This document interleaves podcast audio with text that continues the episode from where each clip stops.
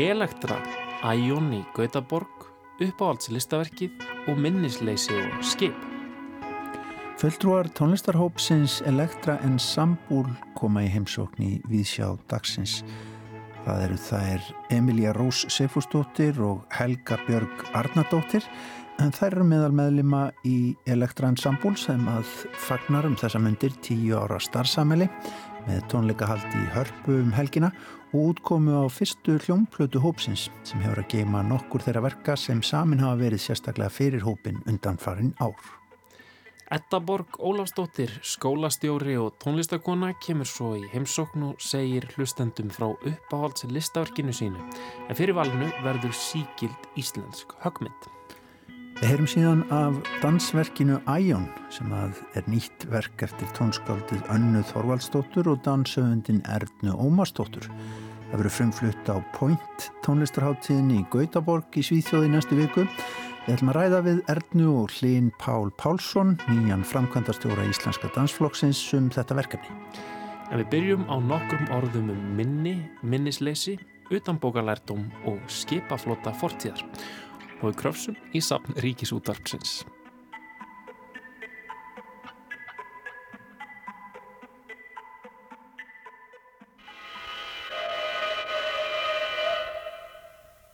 Við höfum nátt tali af öldruðum reykvískun sjómanni Karli Karlssoni á Hrafnistu sem er þeirri furðulegu gáfi getur að muna bókstaflega öll Reykjavíkurskipin sem fyrst báru einkennisnúmer og eftir stöfunum RE.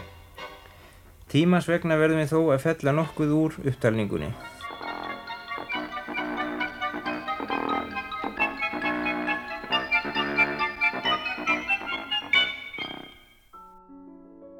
Ekki mannst þú eftir fyrsta skipinu sem hann mert R1?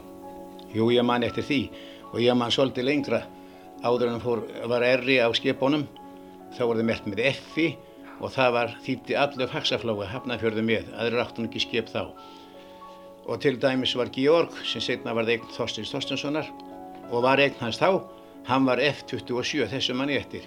En fyrsta skipi sem var nummer 1 hér Sæborg og á því var skýrstur Pétur Bjarnason það er aftur það skuldarbræði sem kallað var Jón og Jóhannis Ég veit ekki með þig ágættu hlustandi en mér finnst ég eiginlega ekki muna neitt bara bókstarlega ekki neitt.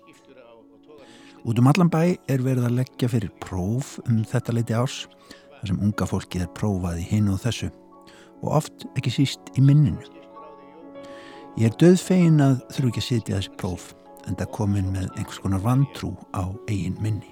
En nummer tvö?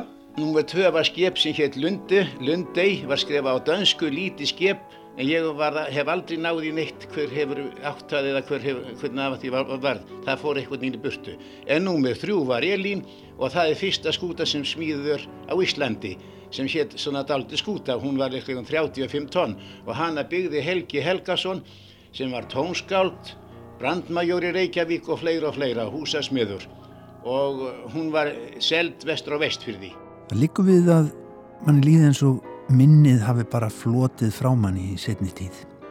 Nú er allt skipulag í dagbók, öll þekking í símanum og auðvitað á netinu. Við getum jáfnvel talað við síman og fengið hann eða hana símveruna til að fletta hinu eða þessu upp. Nú með fjögur var skip sem var svona kringu 70 tonn og hér Portland, hún var þeitt miljóns Guðmundur Stefánsson sem lengi var nættöföður Reykjavík, hann átti skipið Og hvað þarf maður þá? Er heilin í manni að verða einhvers konar brotajátt, óþarfi, kannski daldið eins og botlangi?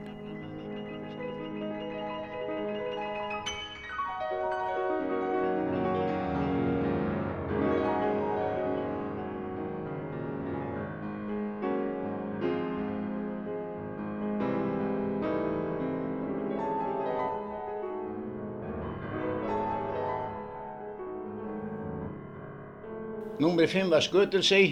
Það skip átti maður sem hétt Rönnólfur Stefánsson var kallað Rönnólfur Horti.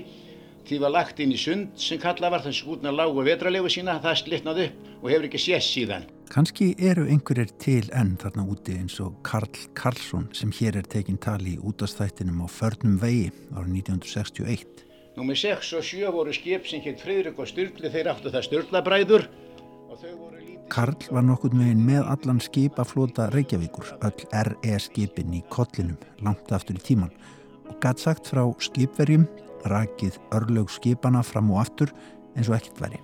Átján var Björgvin, mikið skip, abla skip, Björgvin hann átti Kristinn Magnússon sem engi var hjá Dús og þá voru fleiri menn með hann. Nítján var Milli og hann átti Edinborg og uh, með hann var einn maður sem núna er til hrafnistu, Sigurjón Ólason frá Fellsöksl, hann var skipstur á henni og, og þetta var lepjört og skemmtileg skip, skip Milli og númur 20 var kallað Skóhotn eða hétt Amirla skip. Og hann átti skókan í steinhaukarinn það var einasta skip Þegar maður áttar sig á eigin minnisleysi þá verður maður eiginlega steinhissa. Nú þegar maður þarf að hjálpa við barnaskóla lærdóminn þá áttar maður sig á því að einhvern tíma mann kunni maður margt af þessu sjálfur. Öllu þessu sem börnin eru látin muna í dag. Maður veit að maður gatt farið spekingslega með ljóð en skilur hins vegar ekkert í því hvert í ósköpunum þetta hefur farið. Það er eitthvað sem segir mér að þetta sé einhver eiginleiki sem við séum að glóbra niður í heimi aðteglisbrestins.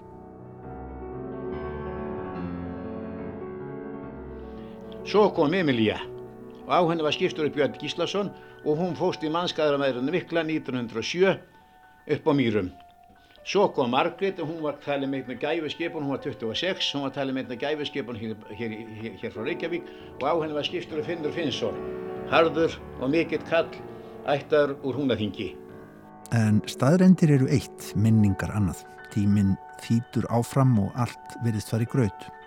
Sviðsetningar úr eigin lífi, til dæmis atriði úr ferðalögum hafa skólast til. Í hvaða ferðalagi gerðist þetta einlega? Í hvaða borg var það sem að þetta og hitt hendi? Ein borg verður annari og maður er ekki viss um hvað gerðist hvar.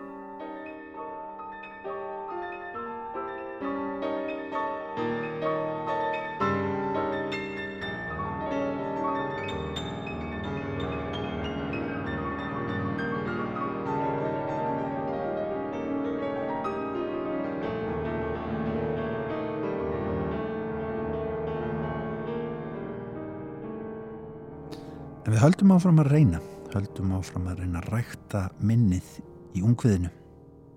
Víðan bæin eru blessu börnin að leggja þjóðskáldinn og ljóð þeirra á minnið þessa dana, allavega einstak ljóð á stangli. Það þykir enn mikilvægt að prófa þetta að minnstakosti, æfa minnið rétt eins og vöðva sem hægt er að spenna. Samt er einlega hægt að verjast þeirri tilhugsun að við lifum í heimi sem að gleymir hægt rólega. Við gleymum ein og sér og við gleymum saman. 49 var Ragnheiður, fallið skip, Við virkum öll daldið eins og skip á speil sléttu hafi, sjáum varla til lands. svo fengum fáið við 50 og það var Sofía Vikli. Hún fóst 7. april 1906 upp á Mýrum. R.E. eitthvað og eitthvað, við erum jáfnvel búin að gleyma skráninganúmerinu. Svo kom 87 og það var Golden Hope og hann átti Elías Stefánsson sem kallað var Ella Hartinni. Það má nú segja það núna, hann er döðu fyrir mörgum árum. Já, mér finnst ég ekki muna neitt. Það á kannski líka við um þig, hlustandi góður. Ætli það sé ekki um að gera að fara að æfa minnið, nikla vöðvan. Að minnstakosti á meðan enn glittir í land.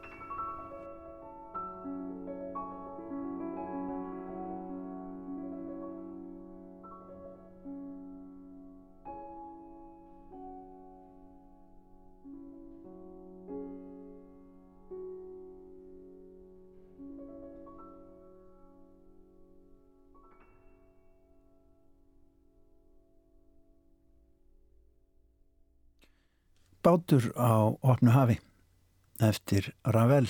Þetta var Angela Hewitt sem að leka piano fyrir okkur í þessu einslægi.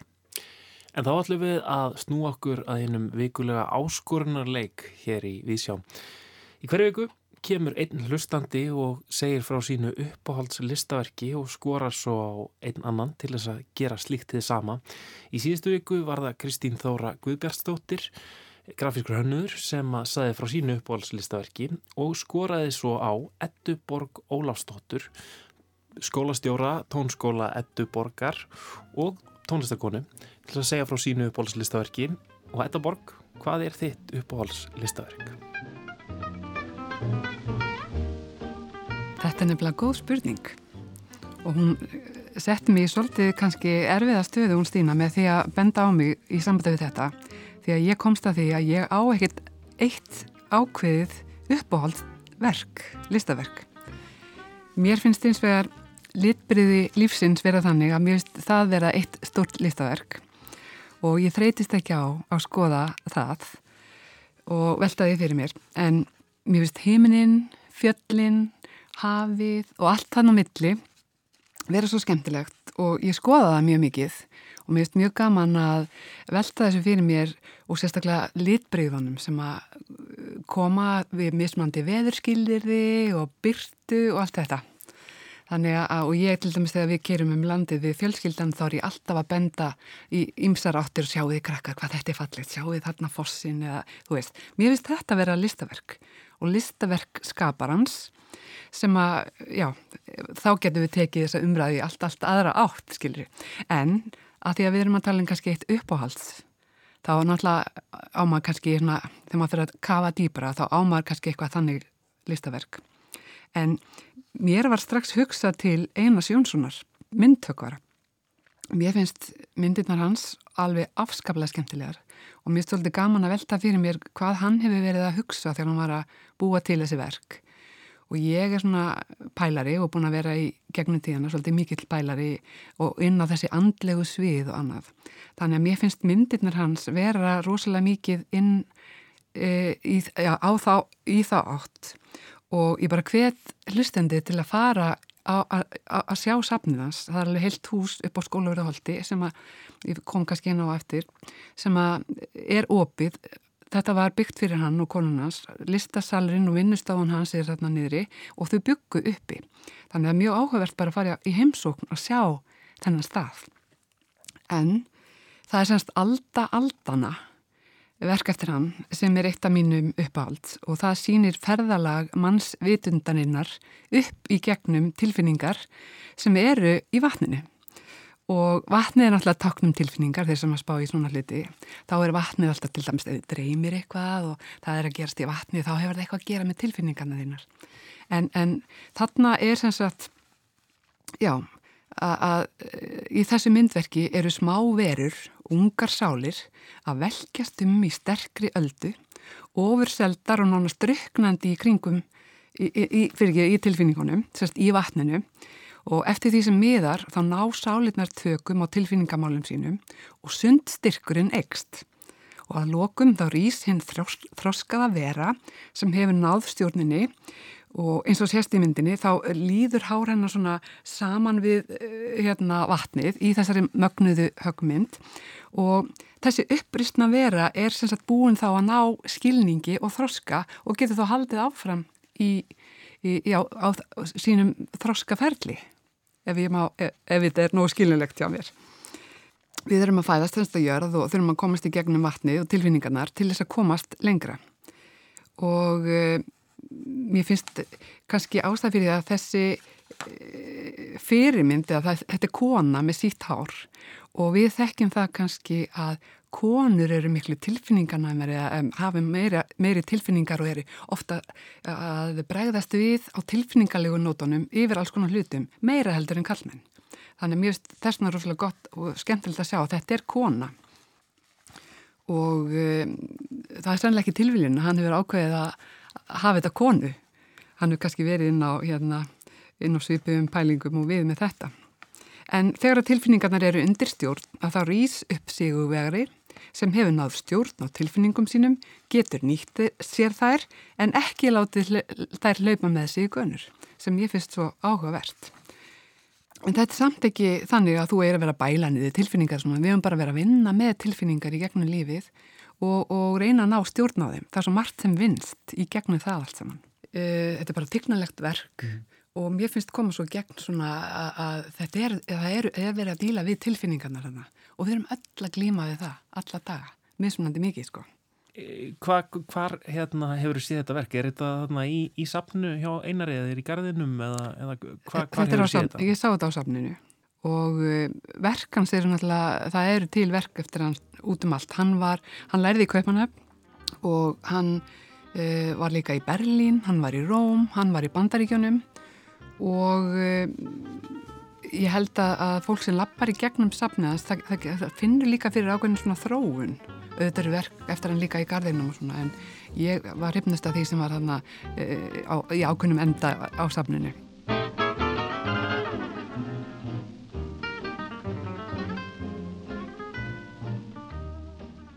Þegar ég fór að velta þessu fyrir mér og þá fór ég að hugsa, ok, við hvað ólst ég upp? Ég ólst upp á heimili með mjög mikill í tónlist og uh, fóreldar mínir eiga mikið að málverkum og myndlist en þau eiga líka mikið að svona stórum veglegum stittum og það er kannski þaðan sem ég hef þennan áhuga í átt að högmyndum. Mér alltaf þótt þær vera flottar. En uh, þá langar mér líka til að tala um, að því ég er skólastjóri, að, tala um hvað er mikilvægt í uppeldi batna að þau fái aðgang að list að það sé verið að hafa fyrir þeim list, alveg sama uh, hvort það er myndlist, tónlist, danslist og svo lengi getur við talið, ritlist, skaldverk og allt þetta. Þannig að mér finnst það svo mikilvægt að þetta sé haft fyrir þeim og, og börnum sé kent að njóta listar og þá vil ég meina sérst, að listkennsla í skólum, leikskólum, grunnskólum, framhaldsskólum, að við sem foreldrar og aðstæðnendur, við verum að standa vörðum það að það sé verið að kenna börnum þessa luti og sköpunarþátturinn sem er svo ríkur í okkur flestum að hans sé líka virkjaður. Ég meit.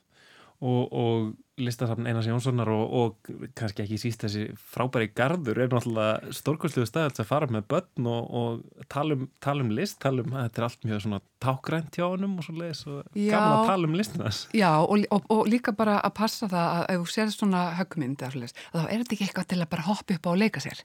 Og svolítið að skoða hvaða listamæðurinn að hugsa þegar hann bjóða til í hverju var hann að pæla, í hvað aðstöð var hann þá, hvað ætli hafi verið að drífa á daga hans og svo framvegs.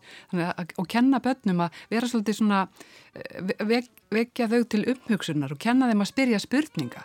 Ekki bara að segja þetta er svona að því að, þetta leiða þeim svolítið að pæli í þessu sjálf.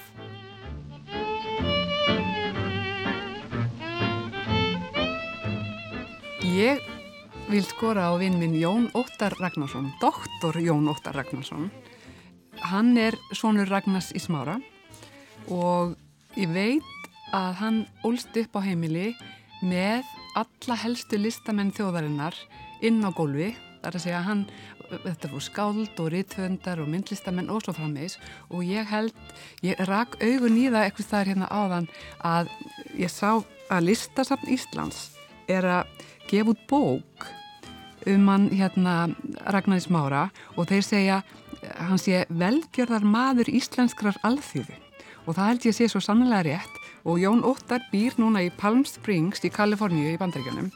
Og ég vona bara að hann taki þessari áskorun eins vel eins og ég tók henni þegar þetta var skorað á mig.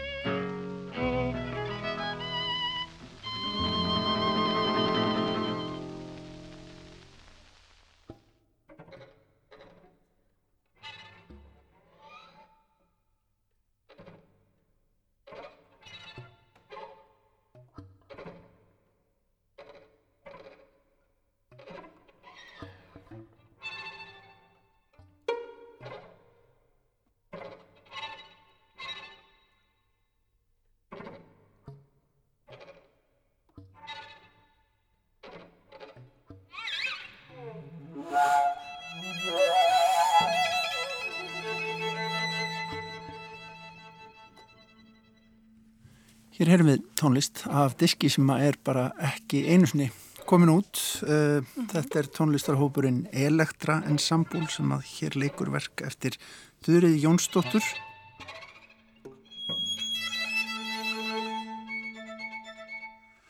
Hingað í Vísjá eru komnir tveir meðlimir í Elektra Ensemble. Það er Helga Björg Arnardóttir, klarnöttuleikari og Emilia Rós Sigfúsdóttir, flautuleikari. Velkomnar báðar tvær. Takk fyrir. Það stendur doldið mikið til hjá okkur þið eigið þeir eru orðin stálpaður tónlistarhópur ekki satt, tíu ára. Jú, við erum mm. alveg að fara að vera unglingar bara. Já.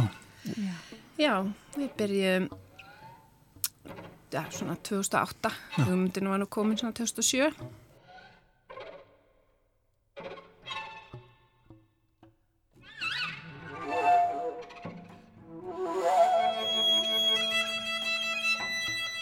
Hvaða hugmynd verða? Já, ég, ég var í námi í London og og svona sjá fyrir endan á námsárunum mínum og vann svolítið með Ástriðu öldu, píjónleikarinn okkar á þeim tíma. Svo bara, og ég var svona, hvað er hún að gera ég kem heima því að vissi að svona leiðin lægi heim á næsta árum. Ég sagði, það er kannski gott að koma sér upp einhverjum hóp. Það voru ekki drúsa margir hópar í gangi þá. Svo við Ásta fórum að hugsa og þá voru hún akkurat að spila með Helgubjörgu, svo þetta svona, við týndum svona til Já, vinkonur. já. Svona vinkonuhópur í grunninn. Já, í grunninn. já. Og þetta er gjöfult samstarf ekki það telga. alveg frábært við erum við byrjum svakalega virðingu fyrir hvoranari og það er bara búið að vera dásamlegt að vinna saman við einhvern veginn nærumst í þessari vinnu og það er, það er bara held ég það sem er svona svolítið kjarnin hjá okkur við erum góða vinkonur eins og ég segi já, og, og, hérna, og samstarfi hefur verið mjög gjöfult og sérstaklega líka það að fá það tækifæri að vinna með tó, nýjum tónskáldum Já. og fá verk fyrir okkur eins og eru á, á nýja disknum og, og það, það gefur líka mikið Það er tónleika hald um helgina og þessi útgáfa á þessum diski. Eh, það að fá tó- tónskáld, íslensk tónskáld til samstarfs og að fá þau til þess að semja fyrir sig, það er ekkert hvað. Það er bara, Það gengið rosa vel. Það hefur ekki byrjað svona 2011. Já, við höfum alveg fengið fullt af verkum. Sum tónskald hafa skrifað tvisa fyrir okkur og þú veist, bara eins og þannig er sum verk lífa lengur en önnur, þú veist, á meðal okkar, eða þannig flytnum við oftar. Og svo svona því ég sá að stemdi að við, erum bara um tíu ára, þá hugsa ég, já, ok, við ættum kannski að skella í eitt disk, að gaman að allan líka eitthvað eftir okkur þegar við erum harnar yfir móðuna miklu. Nei, ég er bara mjög svo gaman að búa svona hluti til. Þannig að við fórum að týna til verkin sem, að höfðu, sem voru uppáldi hjá okkur og svo önnur, svo annað sem kom alveg nýtt í ferlinu. Og hérna skelltum í upptökur með honum Sveini Kjartansinni í Stúdíu Sýriland og gengi rosa vel, bæði að vinna með tónskóldanum og Svenna og, og Frank og Katie í Dóa Harpverk voru með okkur í einu verki. Þeir eru miklu vinnur okkar, spilum stundum, spilum stundum saman. þetta verk þurriðar sem að hér hljómar undir, eh, hvað getið sagt okkur um það? Já, var það ekki frumflutt 2016 Jú, er það ekki? og það er byggt á eldra verki sem heitir Solid Hologram og hún samti það fyrir Nikola Lolli koncertmistara og það var, hann flutti það á listahátti fyrir nokkrum árum. Erum- ég, ég þekki þurriði svo vel en þetta er, þetta er ekta þurriður finnst Já, mér. já. þetta er uppáhaldsverki mitt það alveg meira áttur að spila það. Það er enda rúslega krefjandi fyrir okkur. Já, mjög. en þetta er svona hljóðheimurinn hennar. Mhm. svo Þurriðarlegt. þurriðarlegt, svona delicate, elegant, fallegt.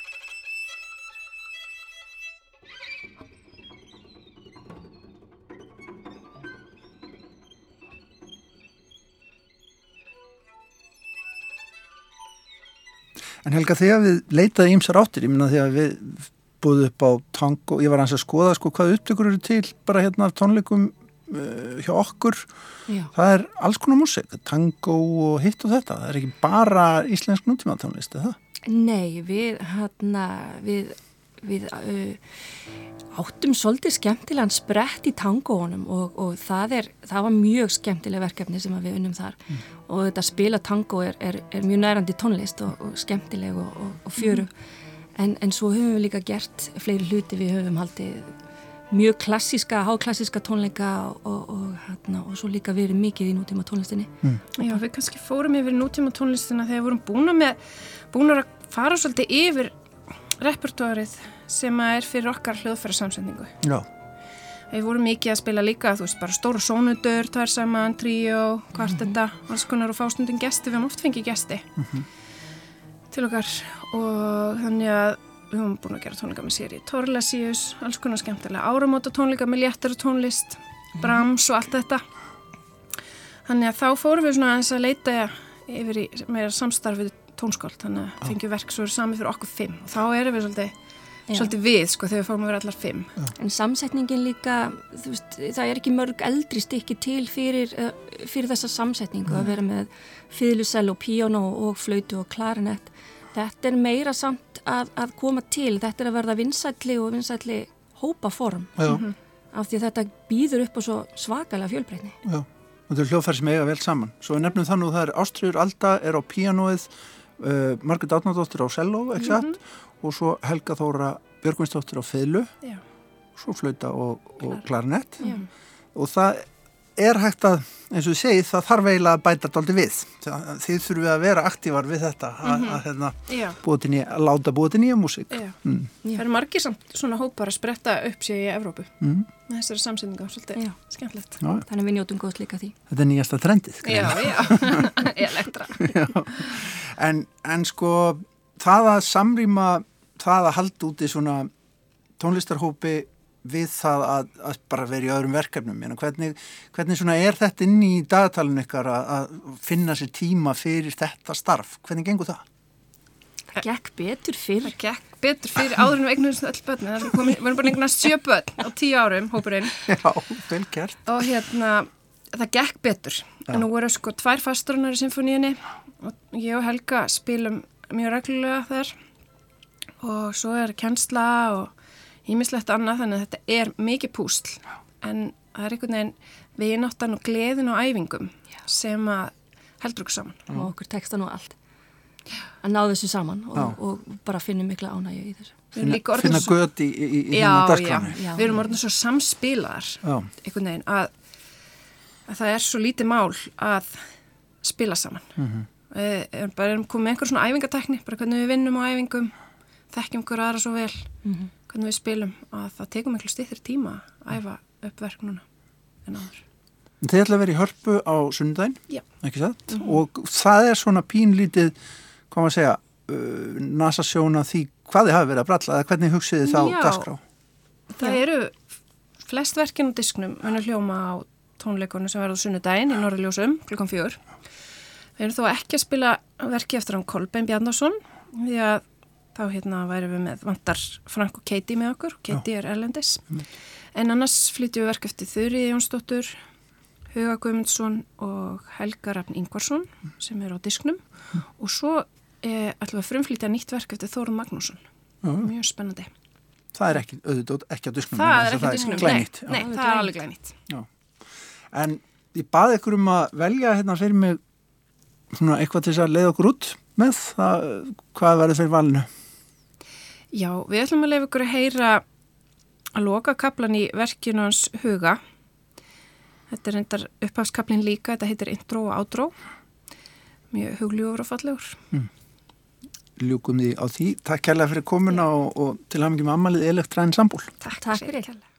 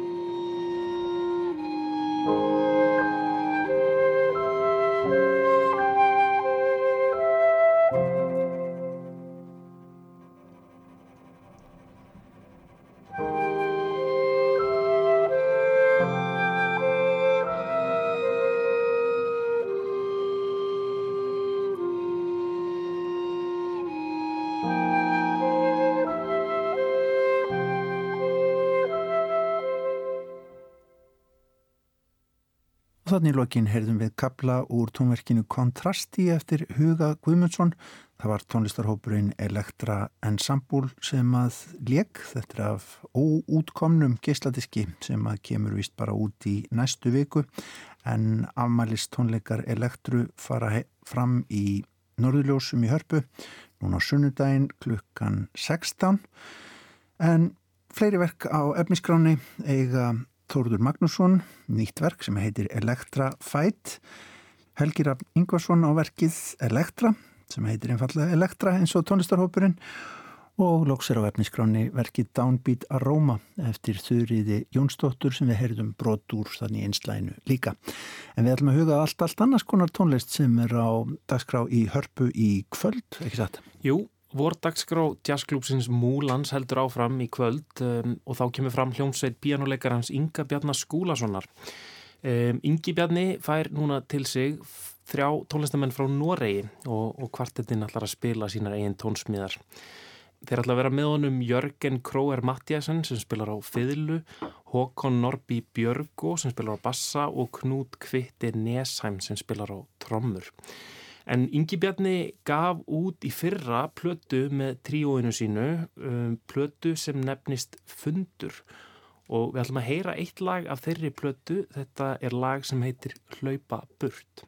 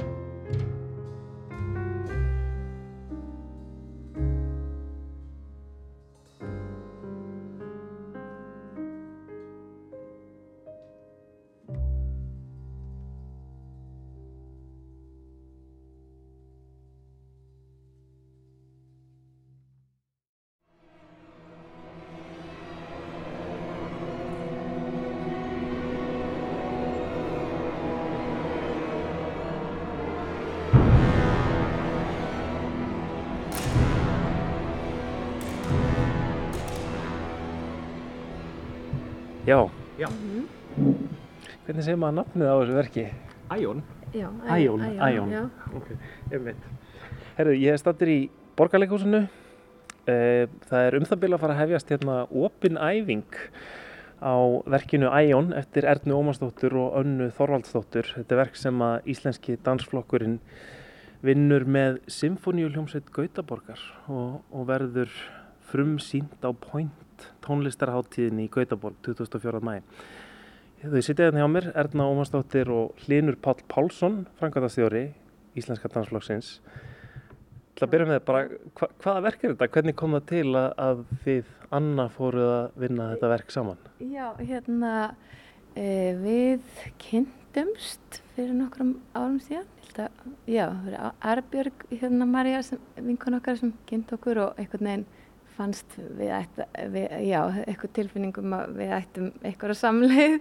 Og við bara, já, þannig að það varði einhver svona, hérna, já, við bara tengdum strax og að, ég, ég var búin að hlusta aldrei á tónlistina hennar og bara, alveg bara ótrúlega inspirandi, svona mjög sérstaklega fyrir dans, og, e, e, það er svo mikið pláss í, í tónlistinni hennar, já, bara rosa, hérna, innblástur sem hún gefur og hérna, já, svo Anna fór að koma á síningar hjá okkur og þetta var bara, já, einhvern veginn mjög svona, eðl, svo bara einhvern veginn allt inni voru farna, allt inni var þetta verkefni komið, ég man ekki alveg nákvæmlega hvernig þetta hérna endaði þar, en ég held að, já, það var Gautaborgar Symfónían og Symfóníuljómsveit Íslands sem að hérna eru í samvinnu um að gera þetta og þannig að við höfum líka verið að vinna með Symfóníuljónst Íslands.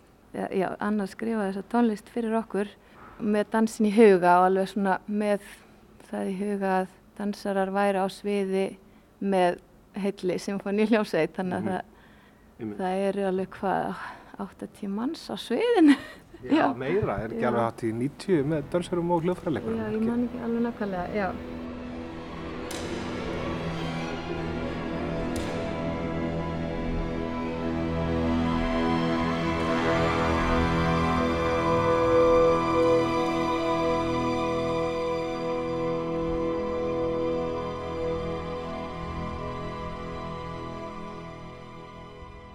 Maður googlar Æjón þá kemur upp svona tölvuleikur.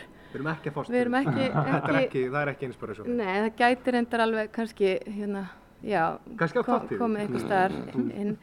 En hérna, já, Æjón er guð tímans og já, vita er það ekki, eitthvað álíka En við svona erum heldur ekki að tala um eitthvað guð, við erum kannski bara, hérna, þetta er eiginlega svona abstrakt hugmyndir um tíman og hérna, hvern, já, svona eitthvað ferðalega á milli vita og svona, já, eitthvað svona hugmyndir um að tíminn sé ekki línulaga, heldur getur farið í, í allar áttir og upp og niður og hérna maður geti hoppað eða ferðast hérna á milli vita og tróðið sér einhvern veginn í gegn inn í annan heim og hérna og já, og svo, svo er bara líka eins og, eins og já, þetta er, þú veist, það er ekki beint neinn saga en þetta svona fer í stundum er þetta allt í norðin ykkur forlefa uppgröftur og, og svo er, er verið að fletta af hérna, það er ykkur, já, svona ykkur, það er ykkur svona farangur líka sem að held ég við erum að taka með okkur og líka, við vorum svona pínu líka hugsa um bara tíman í lík, líkamannum okkar DNA sem að hérna ber kynnslóðir af hérna mhm. fa farangri. Já, hvernig áföllin erfast Já, hvernig svona áföll og bara persónleikar erfast. Þannig að veist, þetta fer svolítið bara í allar áttir á þess að vera eitthvað eitt ákveðið og eða, við erum að, ennþá að finna út úr því eins og þetta er. En, já, hérna bara, já. Þetta eru náttúrulega hérna, bæði einhvern veginn tím, tíma báði þessi miðlar, dansinn og, og tónlistin eru kannski einmitt svolítið áhugaverðir til þess að fást við tíman uh, eru svona öðru sér heldur en til dæmis myndlistin sem er svona statísk sko, Mhm. og þetta eru svona tímatengtir miðlar einhvern veginn Já, það, þetta er alltaf eitthvað ferðalag frá, já, einhverjum punkti til annars. Já, Mm. þú ert aldrei, þú ert ekki, þú getur ekki alveg, hvað sem er, e, augnablikið. Frist, Nei. Mhm. augnablikið. Mhm. Þú getur ekki frist augnablikið. Þannig að þetta er rosa mikið upplifunin og hérna, Og svona rýmitími líka, eða svona, Já. þú veist, þetta er alltaf, svona allan að live flutningur, þá ertu inn í sama rými um Já. sama tíma og ertu að upplifa sama hlutin, sko. Bæði í live, þetta, þarna, tónlist og, og dans. Já, Einmitt. þetta er rosa mikið líka, við erum, eh, já, svona þetta samstarf að vera eh, líka að dansinn sé hérna dansarar í sama rými og hljóðfæraleikarar að deila plásinu og þú veist, þessu tástreita sem verður Já. Og hérna tónlistin, hún er bara algjörlega mögnuð, hérna, það er ekki hægt að segja annað. Nei, yfirleitt er þetta symfóníuljósið bara í grifju, eða, þú veist, aðskilinn performansinum. Mhm. Þannig eru þau bara, og þannig eru þau ekki bara innan um, eða dansarættir innan um hljómsveitin heldur er hljómsveitin að taka, að luta til þátt í verk, verkinu, sko, að reyfa sig. Við erum svona að reyna, já, bæði með dansinum og, og hljóðfæraleikarnir eru líka pínu að taka þátt í því að gera tónlistina líkamlega og já, þannig uh, þeir eru kannski ekki að dansa einhver svona spór en, en þetta, það er gaman, rosa gaman að sjá, þú veist, að, að það er hægt að gera hlutina svona aðeins líkamlegri, já. Einmitt. Þannig að þau eru að headbanga og aðeins.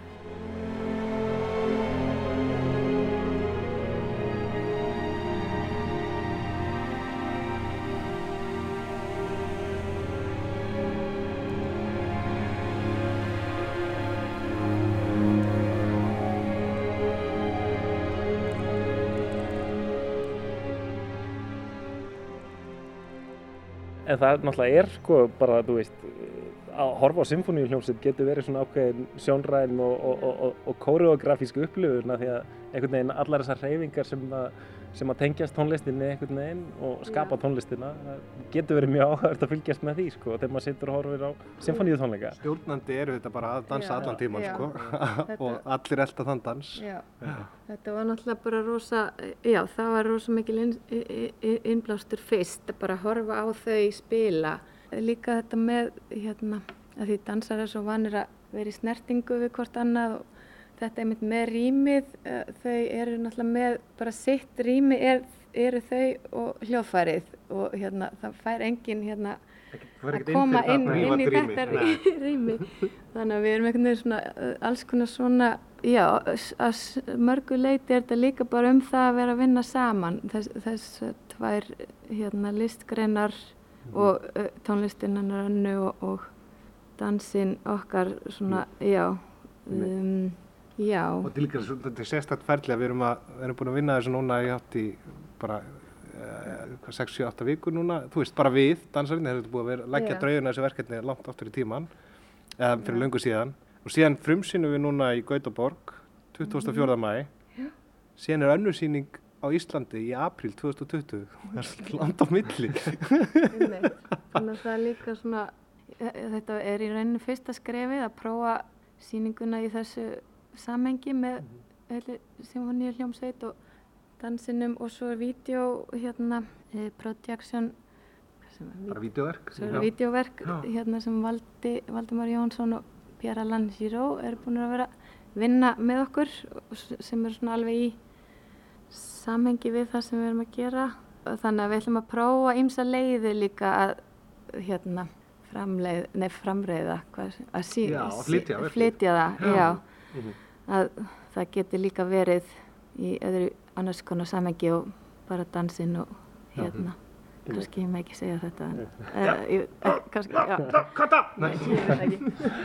En, þetta lítur að vera rosalega mikilvægt bara eins og fyrir íslenska dansflokkin að tegja sér svona út bæði til symfóníu hljómsveitarinnar og, og svo bara til þessar hljómsveitar í Gautaborg. Þetta lítur að vera frekar stórt verkefni sem að þú lítur þá að vera svolítið að, að, stýra, eða ekki? já, ég einhvern veginn lendi svolítið í því.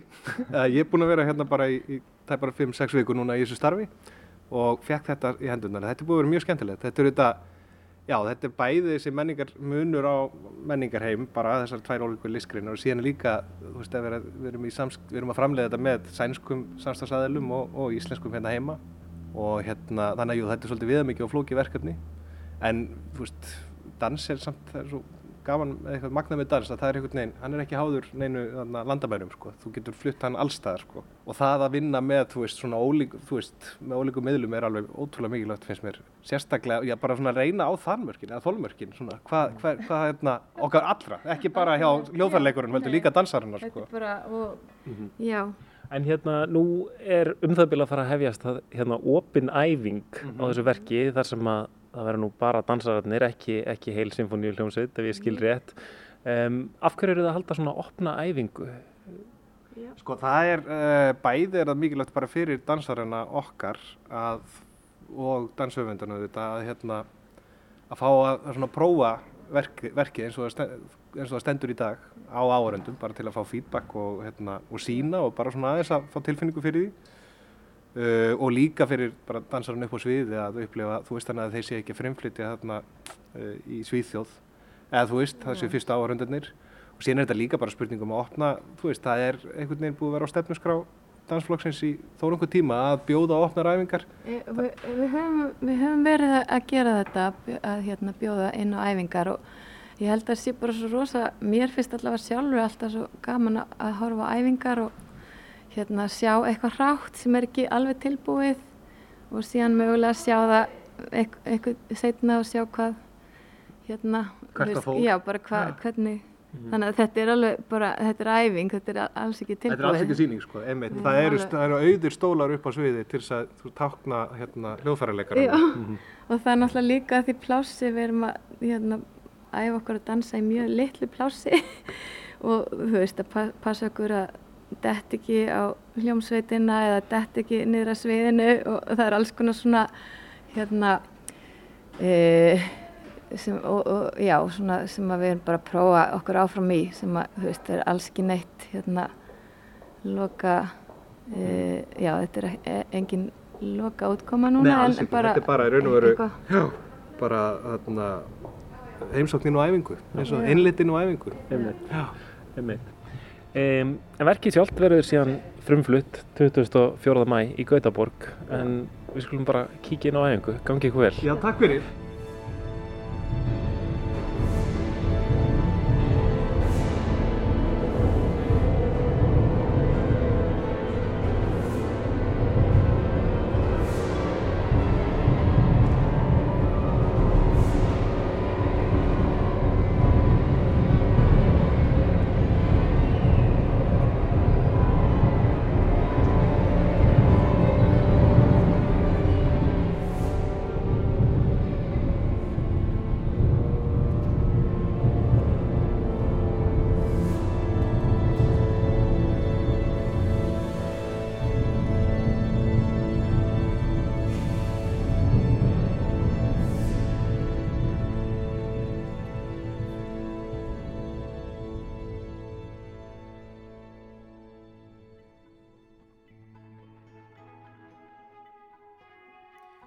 Og þarna heyrðum við brot úr verkinu Æjón eftir Önnu Þorvaldsdóttur og Ernu Ómarsdóttur.